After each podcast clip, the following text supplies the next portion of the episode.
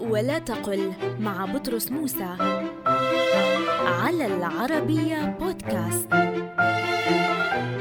قل تخرج في الجامعة ولا تقل تخرج من الجامعة. فالتخرج تعني التعلم والتدريب وقد يتخرج فلان في تخصص معين فنقول تخرج في الطب أو تخرج في الهندسة أي تعلم وتدرب في الطب أو الهندسة. فهو خريج وخريج ومتخرج. اذا قل تخرج في ولا تقل تخرج من.